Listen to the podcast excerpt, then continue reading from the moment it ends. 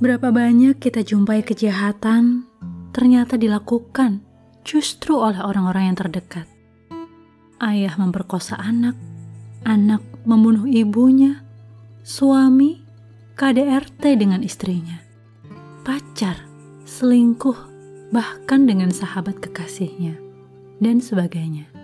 Tidak selamanya keinginan itu baik. Keinginan yang didasari hawa nafsu menyeret seseorang melakukan dosa. Mengasihi seseorang seharusnya menjadi sebuah keinginan untuk menjaga, melindungi, dan memberikan yang terbaik untuk yang dikasihi.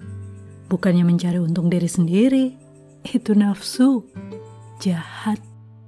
Jagai hati kita agar tak tercemari oleh noda.